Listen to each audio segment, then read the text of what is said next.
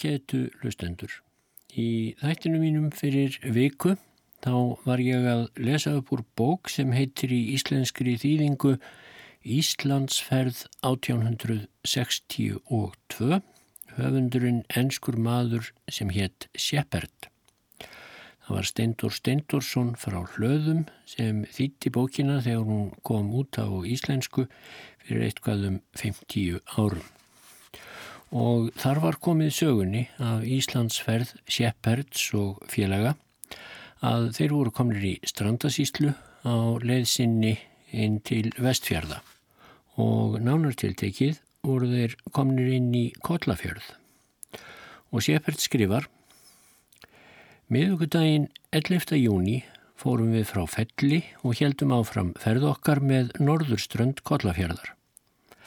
Við fórum fram hjá Kollafjörðarnesi, einum þeirra bæja sem bóndin í Guðlaugsvík hafði mælt með sem gististað. Það var vinalegt að líta þongað heimað Kollafjörðarnesi. Bærin stendur Norðanfjörðarins sem hann dregur nafn af, fremst á tanganum þar sem fjörðurinn og húnaflói mætast.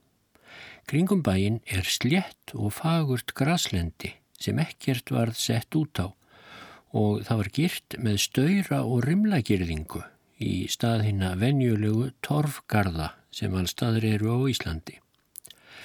Þarna var lítil vindmilla og fjöldi húsa sem var snoturlega fyrir komið og voru þau öll græn tilsýndar eins og túnið umhverfistöði. Nokkrir bátar voru þar niðri við sjóin. Í stuttumáli sagt bílið leitt mjög vel út og bar vittni um góðan efnahag bóndans. Fjöldi lampfjár á samt nokkrum kúm sem voru þar á beitt vittnaði ekki síður um góða fjárhags afkomu. Þar sem leið okkar lág stöðugt með sjónum breyttum við nú um stefnu og heldum til vesturs inn með stengrimsferði og fylgdum öllum bögðum hans í tvo daga. Ferðin gekk nú miklu betur en áður. Veðrið var farð að skána og vegurinn var greiðfær, nægur hægi fyrir hestana og gott veður. Við riðum eftir grónum flöttum 30 til 100 stíku breyðum. Uppráð þeim risu loðréttir hamrar, ekki íkja háir, en sjávarmegin var óslítinn röst af rekafið og þararhönnum og síðan var nokkura stíkna breið fjara niður að flæðarmálinu. Æðarfugl var þarna við ströndina í þúsundatali og litlu færra var af máfum og fiskiöndum. Hér og hvar lágu selir á flötum skerjum og bökuðu sig í sólskinninu. Koma okkar ónáðaði þá sínilega því þeir flegðu sér í vatnið þegar við nálguðumst. Land er þarna allt gróið að heita má, sumstaðar gæjast þó fram gráleitir blágrítisklettar af sama tægi og klettabelti í hjallabrúnum og gefa þeir landinu harðineskjulegan svip. Bærin kirkjuból sem stendur á sjáarbakkanum var annað blómlega bílið á þessum slóðum. Allt umhverfi bæjarins bar vitni um reglusemi og snirtimennsku sem reyndar er augljóst að Shepard hefur þótt heldur fátíð á Íslandi svo ég skjóti nú þeirri aðtóðasemdinn í frásögnans. Í kringum bæin, heldur hann áfram, er fallegt tún. Þarna mættum við nokkurum hestalestum, klifjuðum rekavið sem svo mikið er af þar kvarvetna að fjaran sínist alþakinn timbri. Engu var líkar en sjórin hefði valið þennan afskekta stað til að spúa þar upp illa fengnum auðæfum sínum. Skamt fyrir innan kirkjuból lágu hæðir alveg fram í sjó og lokuðu leið okkar. Létt reyndist þó að fara yfir þær en niður af þeim fórum við í bröttum krákustíg ofan að sjónum að nýju. Glettabeltið sem við höfðum fyllt var nú þróttið og hæðin sem við vorum rétt komnir yfir sveigði inn í landið og lukti þar um víðáttum ekkið mýrlendi en sjáarbakkarnir sem aðeins lágu örfáum fetum herra en mýrin fyrir ofan þá voru harðir og þurrir og besti vegur eftir þeim. Okkur var sagt að nú værum við komnir í land Húsavíkur og bærin þar væri aðeins nokkur hundruð stíkur framöndan. Í Húsavík áðum við í hálftíma og reyndum að fá þar léðan bát að stað til að flytja að minnstakosti farangur okkar því hestarnir voru þá orðnir mjög sleftir. Ólafur fylgdarmadur okkar leitaði samninga við bondan meðan við tegðum úr okkur í mjúku grassinu og nutum útsýnisins. Fjörðurinn var skínandi fallegur. Vatnið var nærri eins blátt og sjálft genfarvatnið. Þver nýftir sjávarhamrar grímsegjar byrðu útsýni til hafsins svo að fjörðurinn fekk svip af stöðuvatni en röð snæfi þakkina tinda og fjalla gaf landslæginu tignar svip. Ólafi tókst ekki en á samkominlagi við bondan um að lána okkur bát. Hann vildi fá fimm sterlingspund á dag í leigu en svo mikið vildum við ekki greiða. Okkur var þó bóðið inn að drekka te. Okkur var því næst fyllt upp stiga í herbergi upp á lofti. Það hafði ég aldrei séð áður í ferðminni því allar gestastofur á bæjunum sem við höfum gist fram að þessu höfðu verið í jarðhæð. En herbergi þetta var undir rísi alþiljað með borðviði. Einn gluggi var á því og líktist hann helst skotgati fyrir litla fallbissu. Fjölskyldan var mjög aðlaðandi og þrývaleg Bóndin böðist til að fylgja okkur að Víðidalsá því að leiðin þangað væri ógreinileg og við getum ekki lengur fylgt sjónum. Okkur sóttist ferðin að Víðidalsá sent yfir sérkennilegt landslag og komum ekki þangað fyrir klukkan átta um kvöldið. Hér var eitt myndarheimilið enn. Bóndin bauð okkur innilega velkomna. Bærin var þrifalegur og stofan sem okkur var látin í tíu þægileg nýþiljuð með norskum fyrirborðum. Að loknum kvöldverði um klukkan tíu tókum við bissur okkar og fórum út í góðaveðrið. Við heldum niður með ströymharðri á í áttað sjónum, útsýnið frá árósunum var svo heillandi að við glimtum öllum veiðihug en settumst á ströndina og störðum bara út á fjörðin. Sjóndeldarhingurinn var að mestu hinn sami og frá Húsavík en fjörðurinn var hér þrengri. Komið var blæjalogn svo að fjörðurinn var speilsléttur. Fjöllin, tindarnir og grímsei virtust nú hafa færst nær okkur og allt landið var uppljómað og skreitt töfrum hins hánorræna sólarlags. Öll hugsanleg lítadýrð byrtist sjónum okkar. Dökkir skuggafingur, purpura litir neðst, lístust eftir því sem ofardró uns toppur þeirra var ljósrauður. Rósrauðir snjótindar tegðu sig upp yfir dökka hamraveggi sem líkt og stiftust niður í heildjúft myrkur en loftið lék í öllum tilbreyðum af gulum og rauðgullnum lit. Híminin sjálfur var með mildum ljós grænum litblæ sem ekki er und að lýsa en er enkennin miðnætur híminsins í heimskautalöndunum. Hæðir og fjöll spekluðust fagurlega í vassfleitinum og víkinni fyrir framann okkur lág skonnorta með feldum seglum og speklaði mynd sína í sjónum. Ekkert rauf kyrðina nema þungur ár niður og ástakvak frá stórhópum af æðarfugli og hávellum sem næstum því yfirgnæfði ár niðin. Allt var þetta ósegjanlega fagurt. Á heimleiðinni skutum við nokkrar ströymendur en þar sem þær voru hínum einn árinnar kostaði það okkur nokkur derfiði og áhættu að vaða ána til þess að ná í þær. Einum okkar varð fótaskortur í ánni en komst samt í land án frekar í slísa. Gestgjafi okkar tjáð okkur að skonnortan væri á vegum danskra kveipmanna.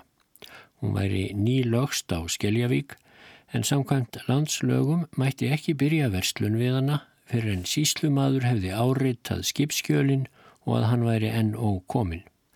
Ólafur fylgdarmadur okkar var sendur næsta morgun til að hitta skipstjóran og tjá honum vandræði okkar og reynaði að fá kifta þá hluti sem okkur vanhagaði mest um. Hann var komin aftur úr þeirri ferð klukkan sjöðu um morgunin, ljómandi af ánægu. Skipstjórin hafði skilið að nöðsin brítur lög og Ólafur fekk greiðan aðgang að öllum byrðum skipsins.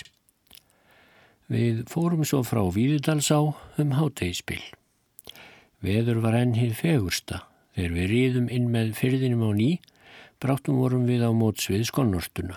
Hún var ljómandi fallið þar sem hún vakkaði mjúklega á sjónum. Þannig eru margar víkur og allstaðar er krökt af kræklingi í fjörunni. Alveg niður undir efstu flóðmörk var algróið land og greiðfært en ég skjóttu við hörfum frá sjónum versnaði vegurinn. Þar voru djúpar dældir með bröttum hlýðum, klappir, grjót og sleipargötur en flóar og fen á milli holta. Bærun okkur stóð þar á brún við klettaskoru sem myndi helst á opinn játnbröytargöng. Þar sem við hafðum nú vilst af leið langað okkur að spyrja þar til vegar en ómögulegt virtist að komast að þessum mannabústað. Ólafur hlauti að fara langan veg til að fá nöðsynlegar leiðbynningar. Eftir að hafa farið um hríðum hrjóstrugt og ógreiðfært land komum við loks fram á brún yfir miklum dal sem lág upp frá Stengrimsfyrði. Fallegt var að líta yfir hann og nú komu brautargöngin aftur í ljós sem tuða geysi mikil tröllarhlöð sem lágu samsíða alveg niður að sjó hægra megin í dalnum. Kvít grár litur bergsins með dekkri skellum jók enn meira á líkinguna. Dalurinn var hann að skvarvetna mýrlendur með svikulum brókflóum. Hér mættum við hóp af ríðandi mannum á leið til Reykjavíkur.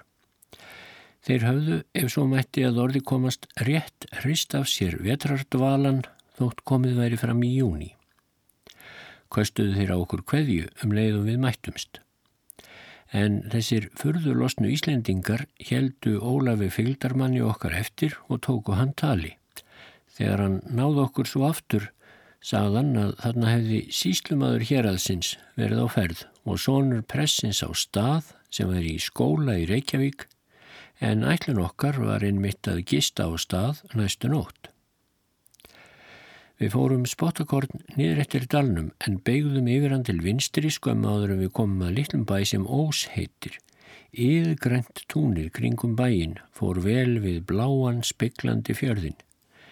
Við fórum á ný upp yfir hálsnokkurn, vegurinn var þar mjög vondur og landslægið líkt og tætt sundur hæðir og dalir rifið í tætlur af einhverju ognar höfuðskeppnu.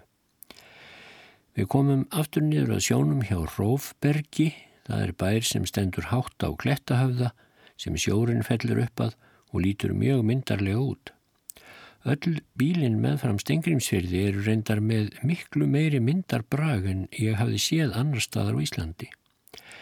Meiri snirtimenska og regla var þar allstaðar í skipun út í húsa og fjárrétta og túnin eru betur ræktuð og gefa því meira af sér og allt ber þar vitni um meiri velmegun og lífstægindi en annar staðar á Íslandi. Þegar komið var fram hjá Rófbergi lág leið okkar fram í hinn breyða dal að stað í Stengrimsferði. Staður er bæði kirkjustadur og pressettur og liggur að norðanverðu í dalnum svo sem 5 kílometra frá fjörðarbotninum. Presturinn Sigurður Gíslason var ekki heima þegar við komum. Hann hafði vist farið snemma morguns út í Skeljavík eftir að hafa frétt að þangað væri komið skip. Honum lekvist hugur á að fá sem fyrst bref og blöð og að heyra fréttir utan úr Evrópu frá skipstjóranum en engar erlendar fréttir höfðu borist til Íslands að minnstakosti ekki út um landið í tæft ár. Okkur var vísað til gistingar í kirkjunni sem var miklu hreitni og álitlegara hús en er kirkjur sem við höfðum áður gist. Nýlega hafði verið gert við hana og torveggirnir voru þá fjarlæðir og þess vegna gáfu gluggarnir þar meiri byrtu en annar staðar.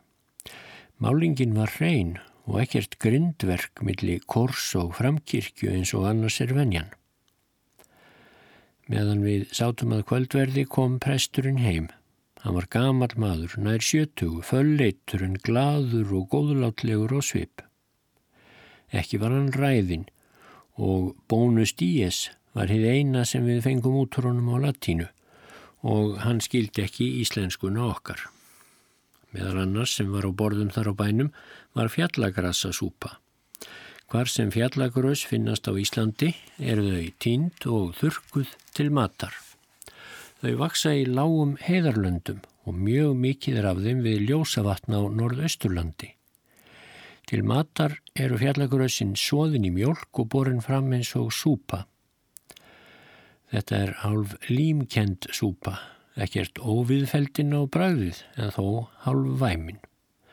Þar eða næsti áfangi ferðarinnar yfir Stengrimsfjörðar heiði var bæði langur og strángur afriðum við að kvílast einn dag á stað. Aðeins tvísvar hafði verið farið yfir heiðina þá um vorið var okkur sagt og í bæði skiptin var vegurinn sagður hinn versti.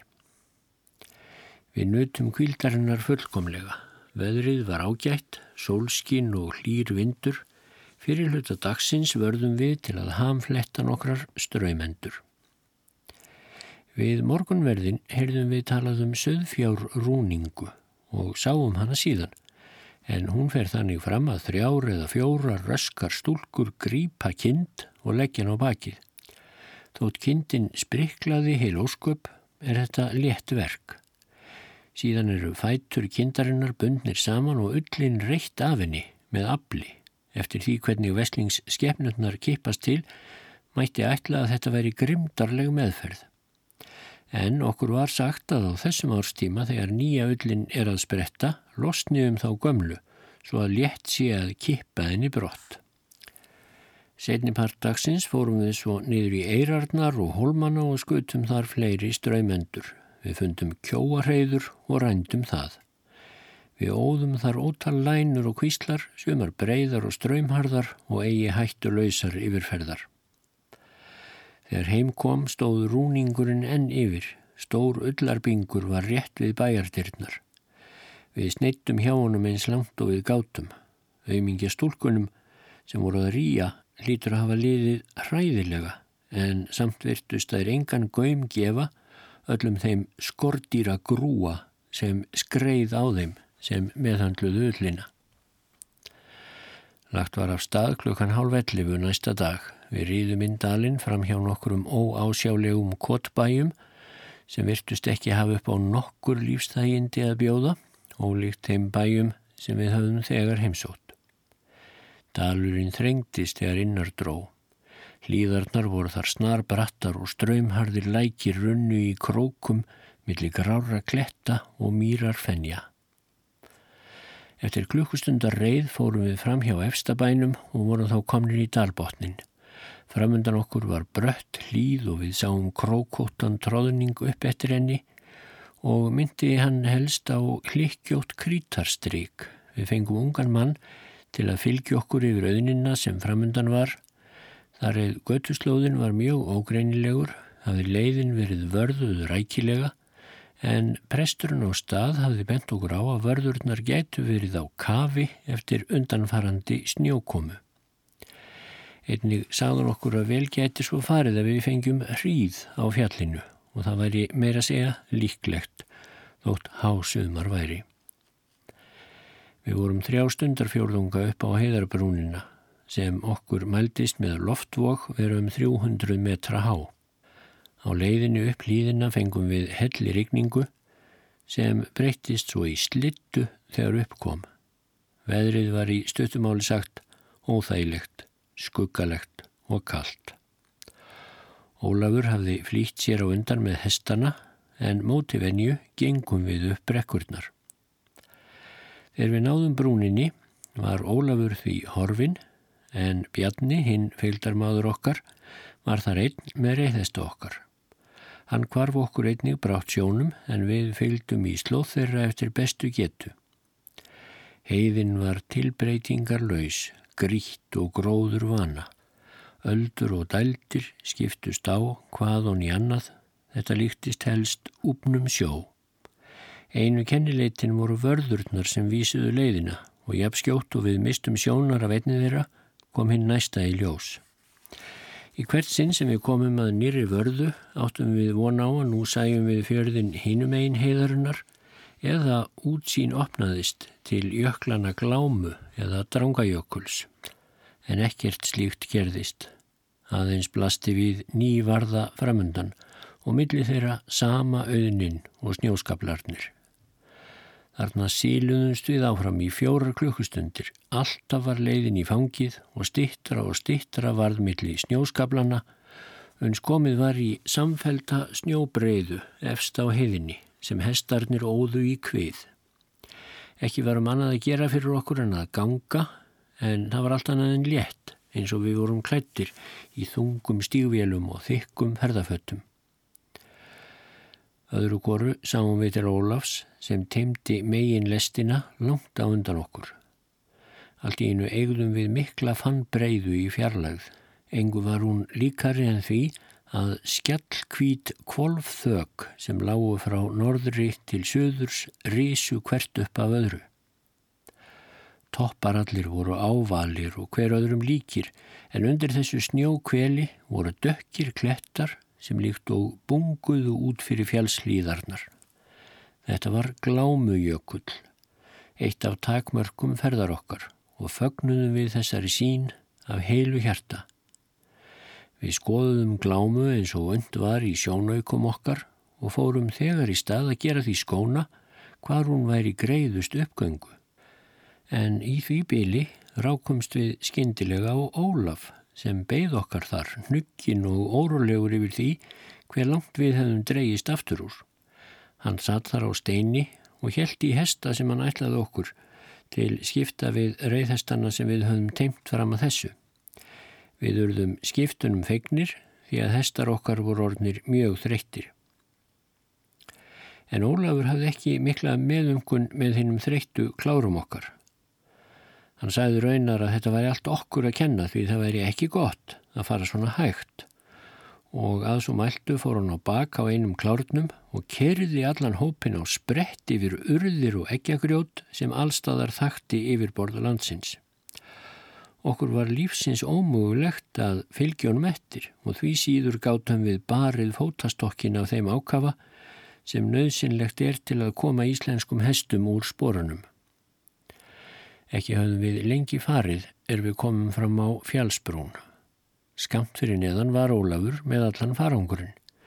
Við höfðum verið að lækka okkur um skeið og nú var heiðin sjálf á enda en brekkurnar nýðurafinni voru næri því eins brattar og þær sem við höfum farið upp eftir um morgunin. Dalurinn sem við komum nú ofan í var gróður lítill og ósléttur dalbótnin. Eftir honum rann ströymhörð á í djúpu gili og hvarvetna voru olgandi flúðir og agalegir fossar. Klukkan áttuðum kvöldið riðum við yfir ána sem rann að kalla mátti við bæjarvekkin í Láadal. Við tjölduðum allsugar fegnir því að hafa skíli yfir nóttina. Dagleiðin sem var nýju stundir hafði að vísa ekki verið sérlega laung en framúrskarandi þreytandi þó vegna hinnar ægilugu vegleysu og torfæra landslags. Að morgni var sönnudagur og við tókum lífinu með ró og mikla ráðagerðir voru nú uppi um framhald ferðarinnar. Um þrjár leiðir var að ræða frá þeim stað þar sem við nú vorum. Einn var til Ísafjörðar kaupstaðar, önnur til Glámu, vestan Ísafjörðar djúps og hinn þriðja upp á Drangajökul, austan við djúpið. Léttast var að fara á bát beint til Ísafjörðar og myndi það taka okkur um 13 klukkustundir. En ótrúlegt nokk þá gæti enginn þarna gefið okkur nokkra leiðbenningar um hinnar leiðirinnar. Bóndin hafði aldrei verið svo mikið sem spurður um neitt slíkt nýja vissa neitt um leiðinu upp á drangajökul. Hann vissi hvar jökullin var en ekki meir en svo. Hann fullirti þó að ómögulegt væri að komast upp á jökulin.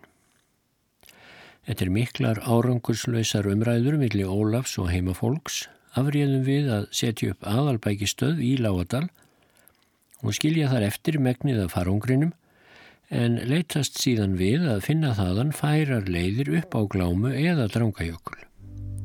Það sinni ákvaðum við ekkert um hvora leiðina við veldum en létum kilfur ráða kasti um framtíðina.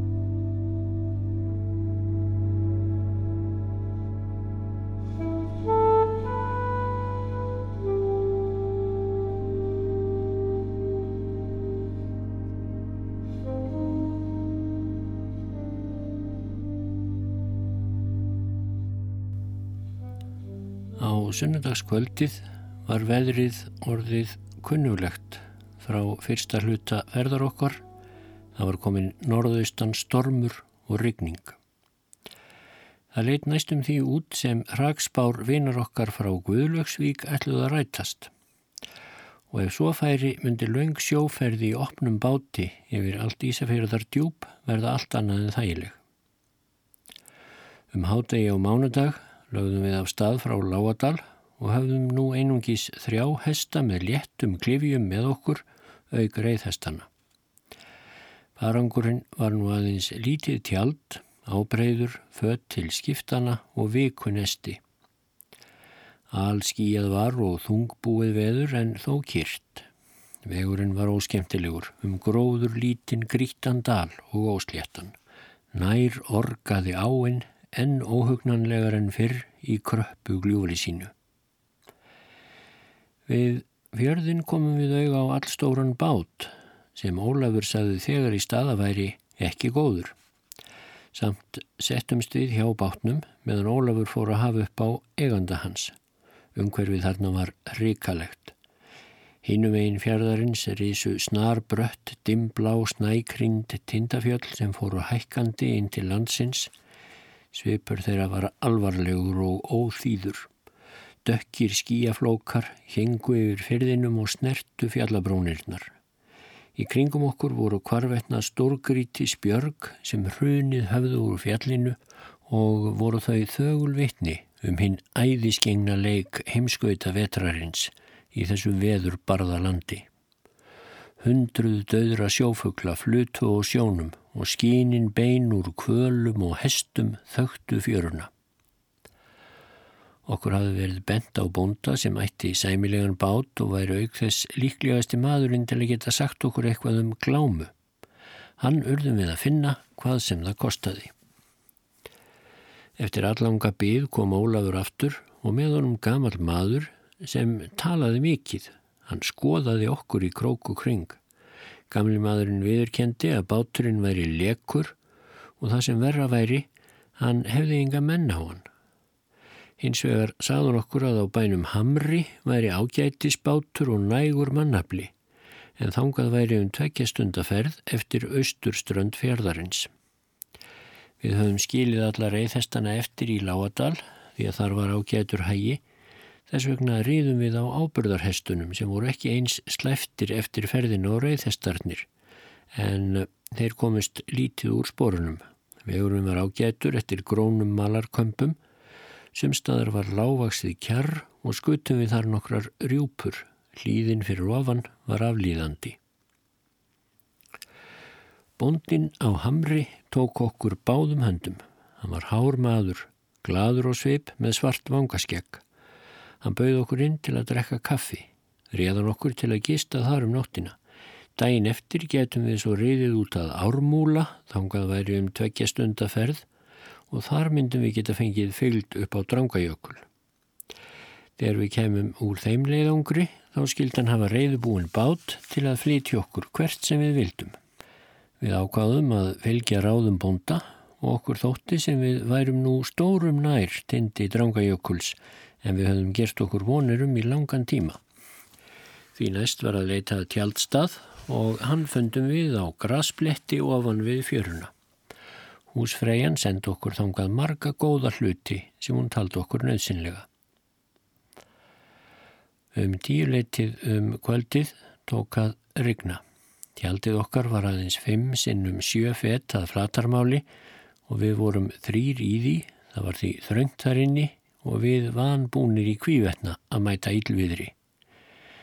Við lögum stóð til kvíldar, gladir í skapi, en það þótt norðvestan stormurinn tækjað ílvra í kringum okkur og lemdi brátt regni og særóki gegnum tjaldúkin og æðandi öldurnar færðust nær og nær með aðfallinu og virtust brátt ráðnar í að tortíma þessu veikbyggða skíli okkar. Úti var koldimt óveðrið og allt í uppnámi vegna sameinaðra átaka höfðskeppnana en inni hjá okkur brann kerti með björtum loga og litli ketillin suðaði gladlega á spritlampanum og við töluðum um hefni okkar á þessum degi ferðalagsins. Við vorum ráðunir í að ganga á drangajökul að mótni, hvað sem á gengi. Við vorum vel undir það búnir því að erfiðleikar ferðalagsins höfðu hert í okkur, svo við þóttumst færir í flestan sjó hvað áreinslu snerti. Ekki þurfti að óttast myrkrið um vor bjarta nóttina og við vonuðumst eftir að okkur myndi ekki bresta þrótt til að fara allra okkar ferða. Þegar við höfðum slögt ljósið og kúrt okkur niður í fletin virtist stormurinn útifyrir færast enn í aukana og við vorum sungnir í svefn af nýstandi veini hrættra sjófugla. En allt um þetta þá var besta veður komið morgunin eftir. Vindin hafði lægt að mestu nema smávegis austan góla var og sólinn skein í heiði. Við fagnuðum þessum umskiptum og vorum fljóttir í heimannbúnaði en nokkur leit var þó að hestunum sem höfðu flegst burt um nóttina en það eru algeng óþægindi á ferðalögum á Íslandi.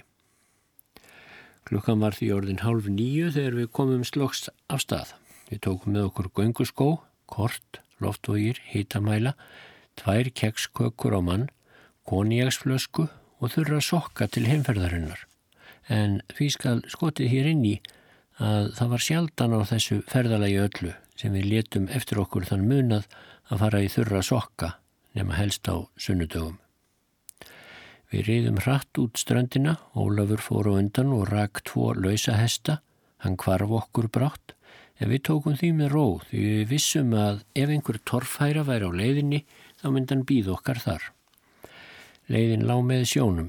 Fyrir ofan efsta flóðmarkið var nær óslítinn snjóskabl, fjögura til nýju feta hár og þarið nú var lág sjáfað, reyðum við undir honum. Undan snjónum komu ótal lækir og lænur sem vetrarsnjórin brúar. Enda þótt skaplinn væri óslítin á löngum köplum voru þó sumstaðar opinn svæði gegnum hann og þar voru grasblettir sem við hliftum og spretti yfir. Útsýnið var sérkennilegt og mér likur við að segja einstakt í sinni rauð. Næst okkur var fagur blár fjörðurinn en framundan þar sem fjörðurinn svegir meira til vesturs rísu sæbrött, snjó og undirfjöll drangajökuls. En stórkostlegast var þó að líta yfir um fjörðin. Fjöllóttir skagar rísu þar upp í langri fylkingu allt móts við Ísafið. Fjöllin voru hrikalegt, dökkblá á lit, en íst þeirra og miklu mest var stígalíð, lík toppskjeltum píramíta í lögun. Fjallið var í meira en 20 milna fjarlagð en línur þess eins skýrar og það væri aðeins eina eða tvær mílur í börtu. Svo fagur sköpuð fjallaröð er sjálft séð. Tímin leilenda fljótt við svo glæsilegt útsýni. Fyrir en varði voru við komnir að vassmikilli og ströymharðri á og sáum hvar Ólafur og hestar hans stóðu í hlaðvarpanum á bænum Ármúla hinum einn árinnar. Hann hafði ekki veitt í aðtikli að við vorum komnir að ánni og ég augði ekki að mér en reið beint úti eins og ekkert væri. Eftir nokkur fótmál fjall vatnið um knémér og enn nokkurum fótmálum framar greip hesturinn sundtökin. Mér tókst með snarræði að krjúpa upp í nakkin því ég kveist að heldur, þótt óþægilegt væri, en að fleia mér í ána fórstreymis við hestin og halda í faksið engum þar sem faksið á þessum klár var mjög rítjulegt. Til allrar hæmingi voru sundtökin aðeins fá áður en hesturinn tók niðri á ný. Skömmu síðar stökki af baki og hafi haldið mér þurrum að ofanverðu. Félagar mínir sem sáu þessar ófarir tóku það skinsamlega ráð að fylgja mér ekki eftir og Ólafur sem var nú komin til okkar og yfir ána benti þeim á grinnra vað.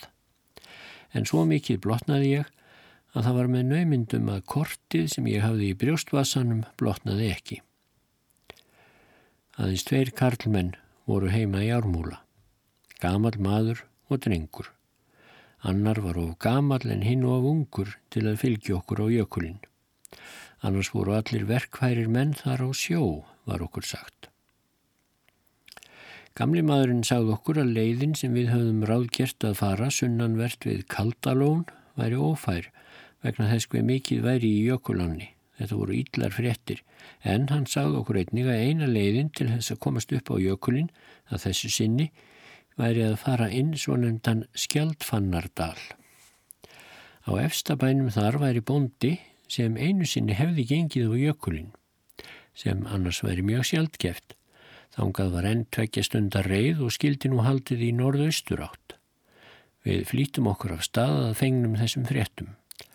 Skjaldfannardalurinn líkist öðrum dölum sem við höfum séð en áinn var ströymhörð og miklu meiri snjóri hlýðum en við höfum mætt fram að þessu. Tilkomi mikil örn var á sveimi kringum okkur en við náðum ekki að komast í skotfæri við hann. Klukkan hálf eitt komum við þar sem dalurinn skiptist, annar dalurinn likur í norður en hinn hefur söðlægari stefnu.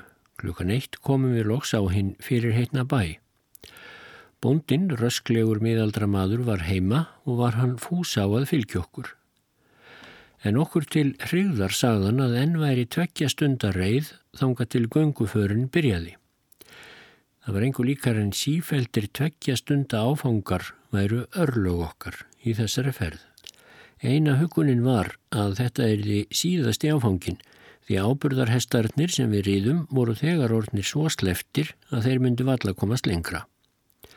Við fórum nú í gönguskóna, létum á okkur legglífar og tæmdum vasana af öllu óþarfa dóti og skildum eftir á bænum uns við kemum aftur. Lagt var af staða nýju klukkan hálf tvö. Leiðin lág upp norðanverðan dalinn er við höfðum farið spottakorn, saði bóndin okkur að fara af baki og skilja okkar hesta eftir en taka hans hesta í staðin. Við gerðum svo og heldum síðan áfram greiðara en áður. Hvergi munu áhrif vetrarveðranna sjást greinilegar en í þessum dal. Hann er þröngur millir fjallanna, eftir honum rann breið ströymhörð jökulá sem kvíslaðist á marga vegu í kvítfissandi flúðum. Geysimiklar fannir voru í hlýðunum og haugar af auður og grjóti sem fallið höfðu úr hlýðunum láðar kvarvetna. Eitt jarðflikkið vakti sérstaka aðtiklokkar. Þegar við sáum það tilsýndar heldum við að það væri hús. Það hafði staðnæmst í miðjum dalnum og var haldið saman af leir svo að af því var tíu feta breyður bogi sem næstum var gengt undir. Leðsugumadur okkar sagði að þetta hefði fallið í síðustu viku. Við þókuðumst upp dalinn, þverlækirnir urðu fleiri og fleiri og áinn fjell í sífældum, fossum og flúðum. Klukkan hálf þrjú fór að rigna. Fylgdarmadurinn held að nú væri best að snú aftur en við vorum staðráðinir í að halda við áform okkar. Nú var það á brattan að sækja en hestarnir klifruðu með undraverðri fimi yfir urðir og kletta. Dalurinn hafði nú þrengst svo að kalla mátti hann gljúfur en fyrir neðan okkur beljaði áinn í 200 til 300 feta djúpu snjógili. Klukkan kortir gengin í fjögur saði fylgdarmadurinn að lengra er þið ekki komist á hestum. Við stígum feignir af baki og skildum klárana eftir í umsjá Ólafs. Gangan hófst þegar klokkan var 25 mínútur gengin í fjögur. Fyrst fórum við í austur átt upp brekku með kaf snjó í. Fyrir ofanskablin var grít og óslétt. Skömmu síðar örðum við að fara aftur niður á við til að komast yfir ána sem lág nú í bug á leið okkar. Þetta var ekki lánt því að skriðjökuls tunga fyldi árgíliða mestu og endaði í bröttum jökulhömrum. Skriðjökullin var um hundrað stekur á breytt og lít sprungin. Þegar klukkan var 40 mínútur gengin í 5 breyttum við um stefnu og heldum nú meira til vesturs. Ekkert sást nú frá okkur. Við vorum umlugtir þoku og skiknið var ekki meirinn 40 stekur. Þegar ofar dró varð brattin minni og klukkan hálf sjö voru við komin á flatnesku. Feildarmadurinn sagði að nú værum við á hájöklinum. Þetta var gleði fregn, þótt ekkert sæjist fremur en fyrr og nýstingskuldi væri þarna uppi. Heitin var við frostmark en vindur stóð af austri. Meðan við stóðum þarna skjálfandi af kulda komu fjálstindar smátt og smátt í ljós í austurátt. Þetta var miðmundahorn, rísavörður reykjarfjörðar á ströndum. en þótt við sæjum þetta fjarlæga fjall gáttum við ekkert greint sem nær okkur var. Snjór og þoka rann út í eitt og byrði alla sín. Fáum mínutum setna kvarf fjallið aftur. Við reyndum að halda okkur hýta og þjálfa okkur í þólinnmæði. En þegar við loks vorum um það beila að gefa upp alla von, þá svifti þokunni af og við sáum skeindilega vítt yfir. Í norðri blasti við Íshafið sjálft og greindum við nokkur seglskip, líklega frönsk, á sjónum. Hortbjarg lág enn í þóku, en til suðurs sáum við endalöysar snæfiðaktar auðnir og hluti þeirra var kunningi okkar Stingrimsfjörðarheiðin. Þá eigðum við suma hinn að kvítu hákolla jökulsins glámu en þoka lága á fjöllunum undir henni. Á söðurströnd Ísafjörðardjúps í vestri voru hrikaleg nakinfjöll sem blánuði í fjarskanum en þétt yfir þeim í skarpri mótsetningu við alltið grákvíta umhverfi hengu kolsvartir skíaflókar og sló rauðgullnum bjarma á neðri röndþyrra. Skíin voru svo ógnþrungin á að líta að það var kvíld að horfa frá þeim á rólegar endalöysar fannbreyðurnar umhverfis okkur þarna á jöklinum. Meðan við nutum þessa útsýnis hafði þokunni létt vesturundan svo við sáum þá yfir hinnar víðáttu miklu hjarnbreyður til þeirra ráttar. Há jökullin virtist vera nær kringlót hjarnbreyða og varða sem þar var reist ætti kröfu á að kallast hátindur jökulsins. Okkur fýsti á að fara niður vestur af jöklinum og kanna hinn mikla skriðjökul sem fellur niður í Kaldarón en meðan við vorum að ráðgast um það skellti sót þoku yfir okkur á ný og þar eða feildarmadurinn var ófús að fara þá leið þá gáfum við hana upp á bátinn og við fórum því sömu leið og áður niður á jöklinum. Við heldum vel hópin svo við týndum ekki hver öðrum í þokkunni sem óðum þéttist og súldaði meir og meir. Við komum að gljúfrinu, laust fyrir klukkan tíu um kvöldið og fórum yfir skriðjökulinn örskamt frá brúnans sem var nær loðrétt og nokkur hundruð stika há. Það var ægilegt að horfa niður í þetta gljúfur sem alla var meirinn hundrað stikur á breytt en vekir þess úr snjó. Nýsnæfi var ofan á skriðjöklinum og ef ekki hefði viljað svo til að fylgdarmadur okkar slapp ofan í mjóa jökulsprungu svo hann gætt sínt okkur ofan í grænleitan jökulinn þá hefum við haldið að um venjulegan snjóskapl væri að ræða. Eftir að hafa farið niður brekkuna með skaplinum gekk ferðin greiðlega og til hestana komum við um tíuleitið og höfðum þá verið halva sjööndu stund í jökulgöngunni. Heim á bæin komum við rétt fyrir miðnætti. Vegna hellir ykningar sem þá var stönsuð við þar í klukkutíma að fengum að borða, vorum við í fullri þörf fyrir mat því við höfum ekkert látið ofan í okkur nema tvær kekskökur síðan klukkan 6 um morgunin.